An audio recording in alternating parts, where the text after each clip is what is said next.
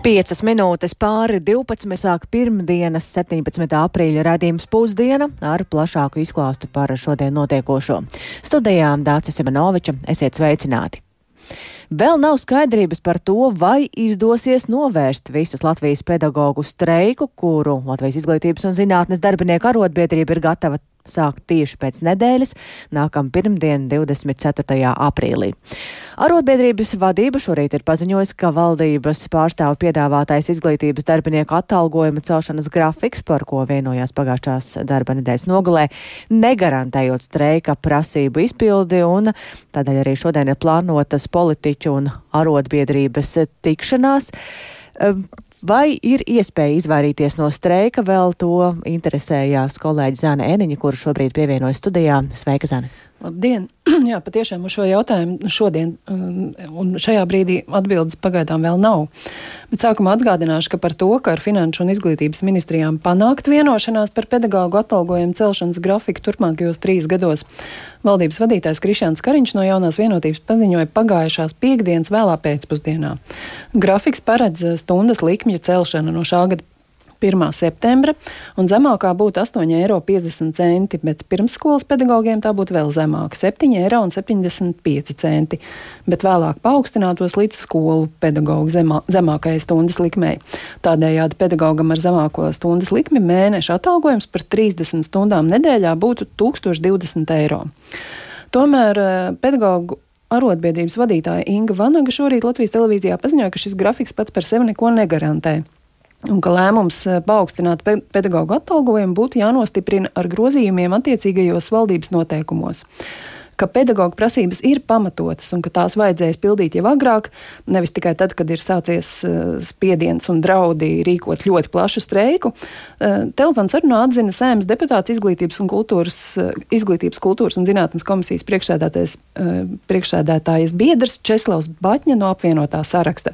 Viņš teica, ka par likmju celšanas grafiku pats uzzinājis no informācijas publiskajā telpā. Un vēl viņš izteica viedokli, ka uh, Eh, pašlaik piedāvātais finansēšanas mehānisms pedagoģa algu celšanai nesot taisnīgs. Paklausīsimies, ko teica Česlavs Batņa. No vienas puses ir spiediens reorganizēt, bet no otras puses tās pašvaldībās, kurās jau skolu tīkls ir sakārtots, pierīgas pašvaldības, viņām vispār netiek, eh, nu, tā kā piešķirs finansējums ar domu, ka jūs izdarījāt labu darbu, paldies jums, bet tagad trīs gadu jūsu, trīs gadi jūsu skolotājiem alga ir iesaldēta. Tas, uz ko norāda Česlavs Batņē, ir atalgojuma celšana sasaist ar skolu tīkla reorganizāciju. Proti, daļēji nauda šim nolūkam būtu jāatrod slēdzot mazās skolas, tad atbrīvotos līdzekļi atlikušo skolu pedagoģu algām. Tādējādi skolotāja algu celšana ir, ir ar zināmu spiedienu uz šī procesa pātrinājumu. Taču zaudētājs būšot pašvaldības, kuras skolu tīklu jau sakārtojušas, jo pēc Batņas teiktā Tām nekāds papildus finansējums pedagoģu atalgojumu celšanai vispār nesot paredzēts. Un Daudzās no tām likmes jau pašlaik sasniedz vai pārsniedz plānotās minimālās. Un problēmas būs arī tajās pašvaldībās, e, kur izdomās kādu skolu vēl nereorganizēt, jo arī tad nauda algām neradīsies. Vēl jāpiebilst, ka apvienotais saraksts, apvienotā saraksta sēmas frakcija tieši pat labam rīko tikšanos ar pedagoģu arotbiedrību un risinājums streika novēršanai plānots apspriest arī šīs dienas valdību veidojošo partiju sadarbības sanāksmē. Vēlā pēcpusdienā notiks arī neformāla arotbiedrības, Izglītības vadītāju asociācijas un pašvaldības savienības tikšanās ar izglītības un zinātnes ministri Andu Čakšu no jaunās vienotības. Paldies Zanai Eniņai, tātad pietiekami daudz vēl neskaidrību, un mēs noteikti turpināsim sekot līdzi arī šīs dienas sarunām. Tikmēr jauns pavērsiens ir konfliktā starp Ogres vēstures un mākslas muzeju un Ogres novada pašvaldības vadību. Pašvaldības vadība muzeja direktors durvis jau piekdienas vakarā aizlīmēja ar norādi par aizdomām par dokumentu viltošanu, savukārt tieši šobrīd notiek domas ārkārtas sēde, kurā darba kārtībā tikai viens jautājums par muzeja muzeja direktoras atstādināšanu uz laiku. Kaislībām līdzi seko arī kolēģi Agnija Lazdiņa. Viņa ir devusies uz ogri, bet šobrīd pievienojas mums tiešraidē. Sveika, Agnija! Agnija, vai tu mūs dzirdi? šajā brīdī nedzirdam Agniju, ar kura ir devusies uz ogri. Jā, Agnija? Jā, sveiki. Jā, mēs noteikti no tevis gribēsim dzirdēt arī pašu jaunāko informāciju, taču vispirms atgādinu to konflikta būtību. Jā, tā tad atgriezīsimies aprīļa sākumā, kad Ogres muzeja direktore Vijas Miltniec no pašvaldības saņēma rīkojumu par paskaidrojumu sniegšanu, kurā norādīts, ka pārbaudē, ko veica pašvaldības pārstāvi, konstatēts, ka muzejs nav noslēdzis ar Arno Smiltnieku vienošanos par viņa pārcelšanu galvenā vēstures speciālista amatā. Tajā arī norādīts, ka muzeja direktore nespēja uzrādīt darbinieku novērtējumu veidlapas, kur atspoguļots katra darbinieka individuālais novērtējums. Un tāpat direktorei pārmests, ka viņa neveic darbinieku personu uzskaitas karšu aizpildīšanu. Muzeja direktore gan uzsver, ka apgalvojumi ir nepatiesi un pašvaldības pārstāvi nejautāja uzrādīt šos dokumentus, lai gan muzejā tie ir un tie būtu rādīti, ja būtu tāda prasība un pieprasīto paskaidrojumu smiltniece iesniegusi, izskaidrojot situāciju un tajā pašā dienā iesniegusi arī konkrētās oriģināla dokumentu kopijas. Taču piekdien īsi pirms Šobrīd mums tehniskas problēmas dzirdēt Agniju Lāsdiņu, vai mēs varam šajā brīdī atjaunot to? Tātad atgādināšu, ka ir jauns pavērsiens konfliktā starp Ogres vēstures un mākslas muzeju un Ogres novada pašvaldības vadību. Šajā brīdī notiek Ogres novada domas ārkārtas sēde. Ogrē atrodas arī mūsu korespondente Agnija Lazdiņa un seko līdzi notikumiem un jaunajiem pavērsieniem. Šajā brīdī mēģinam atjaunot sakarus ar viņu. Agnija, vai tu mūs atkal dzirdi? Jā, dzirdu.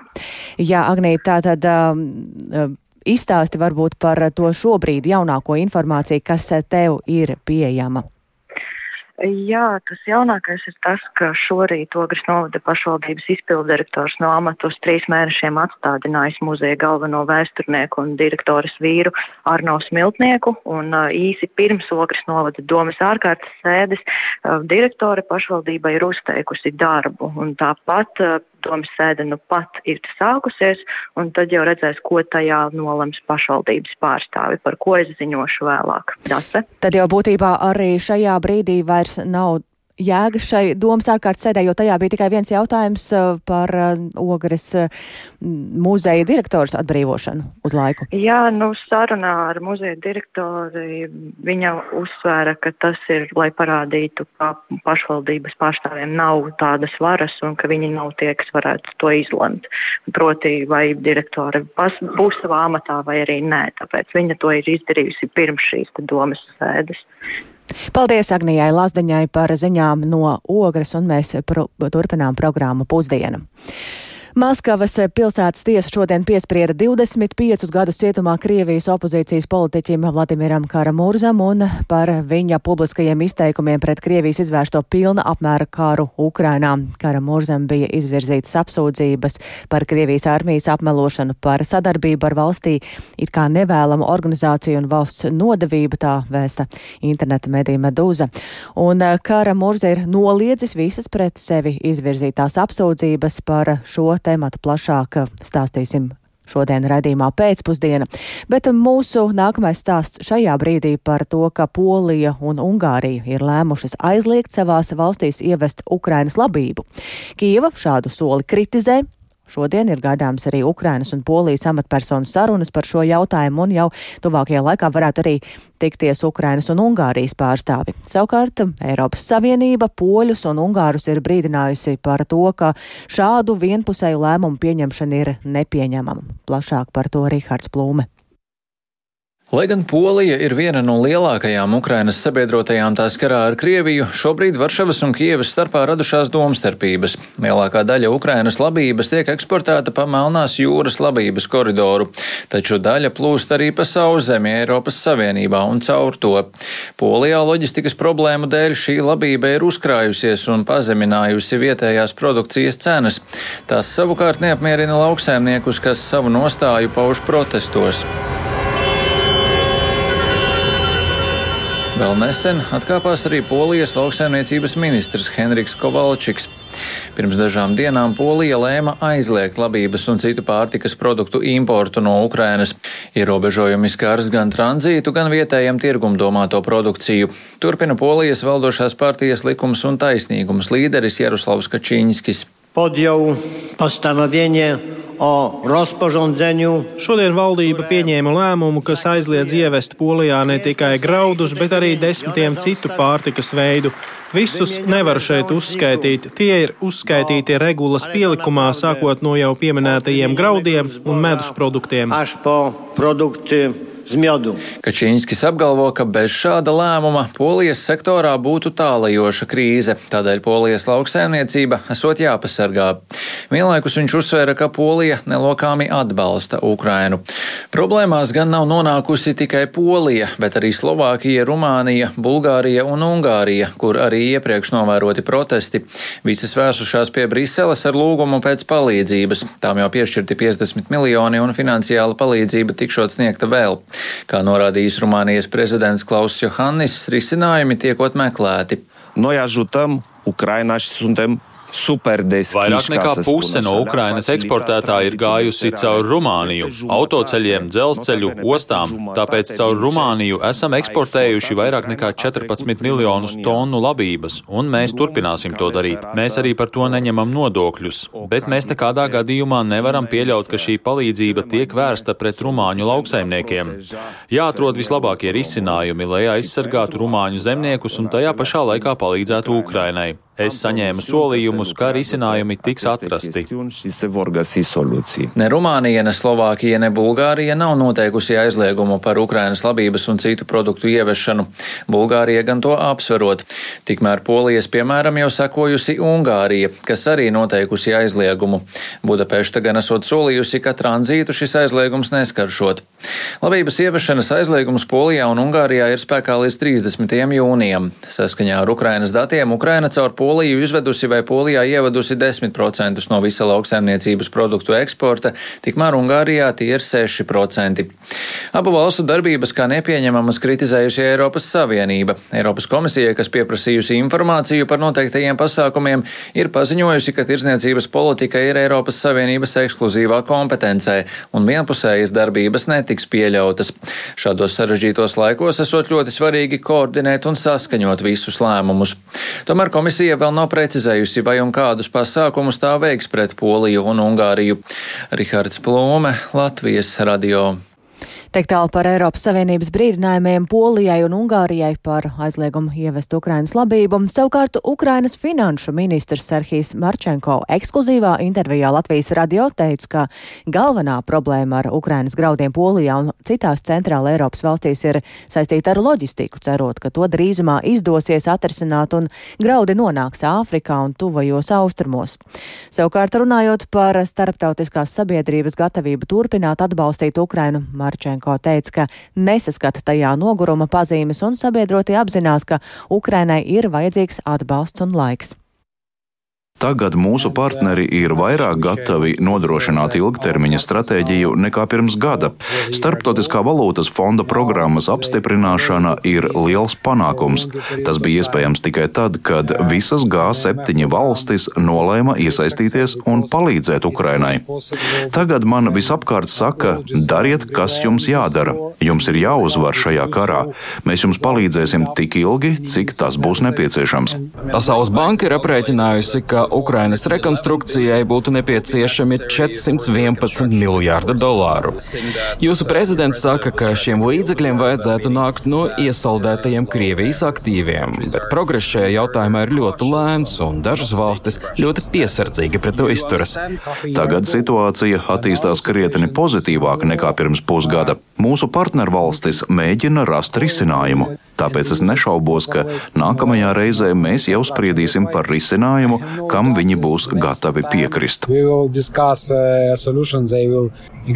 Viens no galvenajiem iemesliem, kas attur vairākas valstis no šīs soļa, ir bailes no tā, ka Kremlis uz to atbildēs ar Eiropas vai citu rietumu valstu uzņēmumu īpašumu un līdzekļu konfiskāciju, kas joprojām atrodas Krievijā.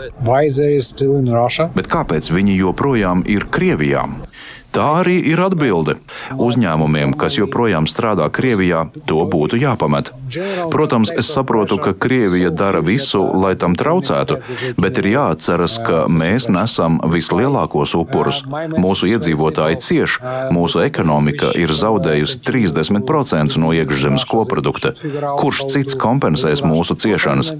Tādēļ es ticu, ka Krievijas kaitējuma atlīdzināšanai ir jāizmanto viņu iesaldētos līdzekļus. Vairākās Eiropas valstīs, sevišķi Polijā, Rumānijā un Bulgārijā, ir zemnieku protesti. Viņi saka, ka vajag ierobežot Ukrainas graudu nonākšanu tirgu. Ko tas nodarītu jūsu valsts ekonomikai? Es ticu, ka var atrast risinājumu šim jautājumam. Es nedomāju, ka varētu tikt ieviestas kādas kvotas Ukrainas graudiem, jo problēmas rada nevis Ukrainas puse, bet gan loģistikas jautājumi. Mēs gribētu, lai Āfrikas un Tuvo austrumu valstis saņemtu šīs preces, nevis polijas iedzīvotāji. Tādēļ svarīgākais ir atrisināt loģistiku. Mums ir svarīgi paplašināt savu loģistiku, jo mēs sagaidām, ka tuvākajā laikā iestāsimies Eiropas Savienībā. Visbeidzot, Starptautiskā valūtas fonda vadītāja Kristalina Georgieva sacīja, ka jūsu valsts tiek galā ar situāciju ārkārtīgi labi, ņemot vērā pašreizējās grūtības. Kā jūs to panākt? Kara pirmajos mēnešos bija daudz ideju par to, kā mūs vajadzētu sagatavot ilgtermiņa karam, kā būtu labāk pārvaldīt valsti šādos apstākļos un tā tālāk. Daudz tika piesaukta otrā pasaules kara pieredze, tika runāts par plānveidu ekonomikas ieviešanu, kuru valdība lemtu, kas un cik daudz ir jāpasūta, bet nekas tāds nebija iespējams, jo Ukraina jau sen ir tirgus ekonomika. Tādēļ mēs sapratām, ka ir svarīgi svarīgi palīdzēt mūsu ekonomikai turpināt strādāt, ka mums ir jāpalīdz mūsu uzņēmējiem atsākt darbību, jāmudina cilvēkus uzturēt augstu patēriņa līmeni, lai ekonomikā būtu papildu asinsrite. Tas mums palīdzēja krietni labāk nekā daudz gaidīja kara pirmajos mēnešos. Ir jāpiemērojas situācijai, nevis jāskatās uz vēsturiskajiem piemēriem. Tieši tāpēc mēs esam pirmā valsts, kas, atrodoties kara stāvoklī, ir saņēmusi starptautiskā valūtas fonda programmu. Dzirdējām fragmentu no sarunas ar Ukrainas finanšu ministru Serhiju Marčenko.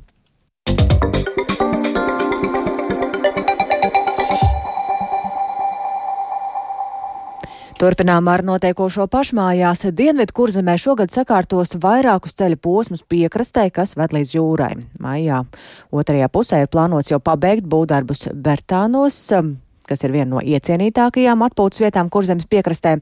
Pašvaldība sakārtos savā pāraudzībā esošos posmus un būs arī asfalta segums līdz pat jūrai, taču valsts pārvaldījumā esošie trīs kilometri jaunu asfalta kārtu neiegūs un braucamā daļa paliks nesakārtota. Kāpēc tā par to vairāk Ingas Ozols ierakstā? Tev nav iespējams pabraukt. Mēs aicinām turistus, bet šis ceļš ir tāds, kāds viņš ir. Tā kā vai nu viņš bija vienlaicīgi jātaisa, vai ar šo vajadzēja sākt, un tad to. Tā savu viedokli pauž viens no Bernātu iedzīvotājiem. Bernātu dabas parka apkārtne šobrīd ir viens no iecienītākajiem turisma galamērķiem kurzemes piekrastē. Bēdīgi slavenais ceļa posms, kur zem asfalta kārtas jau sāk izspraukties seno laiku bruģis, kļūst ar vien nepatīkamāks braukšanai. Tikmēr tuvāk jūrai esošais grants posms, kas atrodas pašvaldības pārziņā, šogad iegūs asfalta kārtu un šobrīd jau ir sakārtoti zemes ceļa posma līdz tālākajam un iepriekš labiekārtotajam Bernātu stāvlaukumam. Par projektu vairāk stāsta Dienvidkurzemes novada attīstības un uzņēmēja darbības daļas vadītājs Gins Ločmelis. Uzsākta Eiropas jūrlietu zivsaimniecības fonda finansēta projekta īstenošana. Tiek sakārtots lielāks ceļu posms, viena daļa tiek asfaltēta, kas ir tieši šeit redzams no valsts autoceļa līdz jūrai, tā skaitā stāvlaukumi tiek izveidot. Ja tuvāk jūrai ceļu sakārtos pašvaldība, tad dažu kilometru posms, kas ved no Liepājas šoseis līdz Bernātu centram, pagaidām tā arī paliek sliktā stāvoklī.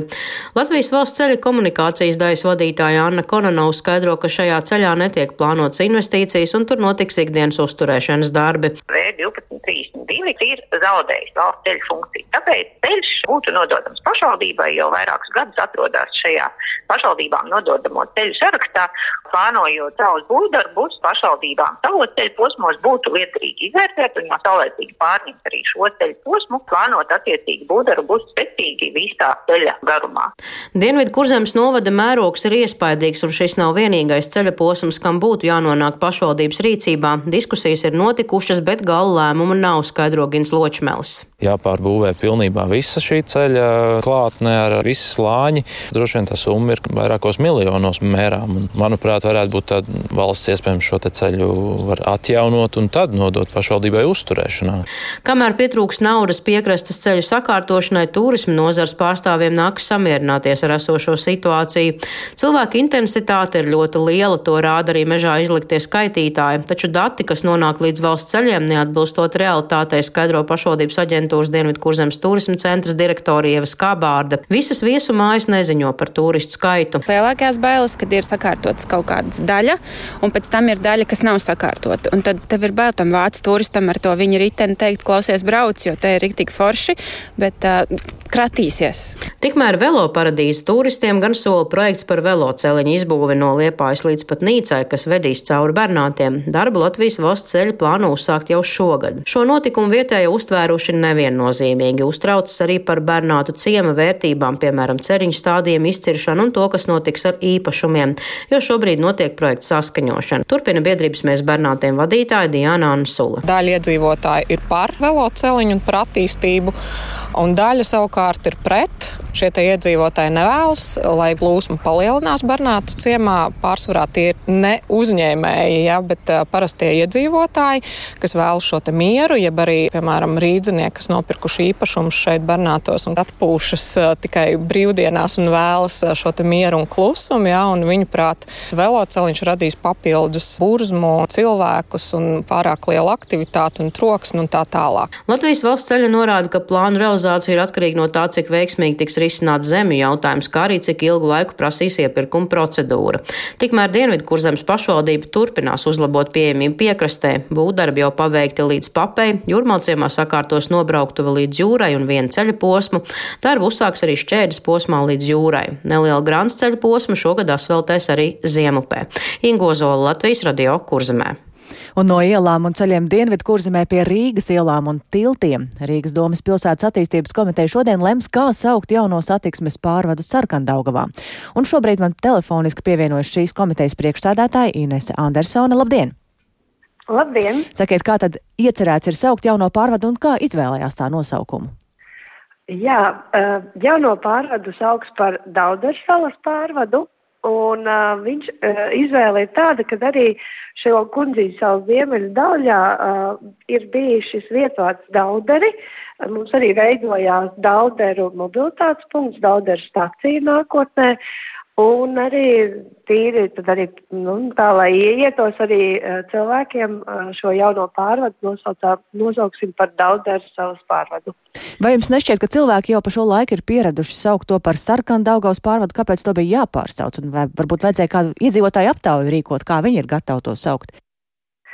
Ziniet, kā ar iedzīvotāju aptaujā vienmēr ir ļoti daudz un dažādi viedokļi. Protams, ka tas kaut kādā ziņā ir iesaucies, bet tāpat laikā Uh, ir arī uh, sarkandaugaus tilts starp gadījumu dambu un tiltu ielu. Uh, Sarkandaugava jau ir nu, liela apkaime, tādēļ iez, iezīmējās šī daudzeru sala, daudzeru savas pārvads. Es domāju, ka ar laiku arī šīs ieies un iedzīvotāji pieradīs pie šīm pārmaiņām. Um. To redzēsim ar laiku. Jūs lemsiet arī vēl par vairākām ielām to nosaukumu. Tās ir jaunas ielas vai, vai pārdēvēsiet kādas vecās ielas? Uh, šodien mēs nevienu ielu nepārdēvēsim. Šie ir uh, jauni ielu nosaukumi. Proti, uh, Marta Staņas ielai, uh, tas ir Skansas apkaimē, ir attīstītā izbūvēta iela, kas savieno Lūkošu briežu ielu ar Mihaila Tāla ielu. Un šis ir pagodu arhitektei, kas ir arī bijusi arhitekta mūsu Latvijas da, Dailas teātrim. Un vēl divas īsi. Kultu. Un vēl divas ielas īsi. Un uh, Kļava iela ir uh, pie uh, Real Baltica jaunās stācijas, tas ir vēsturiskais nosaukums. Savukārt Beltas kakta iela ir pie Čīšazera. Uh, uh, Beltas kakta tuvumā ir tāds neliels posmiņš, kuram vajadzīgs bija nosaukums, un uh, tas būs Beltas kakta iela. Jā, paldies tā Inese Andersone par to, ko šodien lems Rīgas domē, un ar to arī izskan raidījums pēc pusdiena producenta Ilza Agīnta ierakstus montēja Kaspars Groskops par labskaņu rūpējās Iveta Zvēniec un ar jums sarunājās Dācis Simenovičs.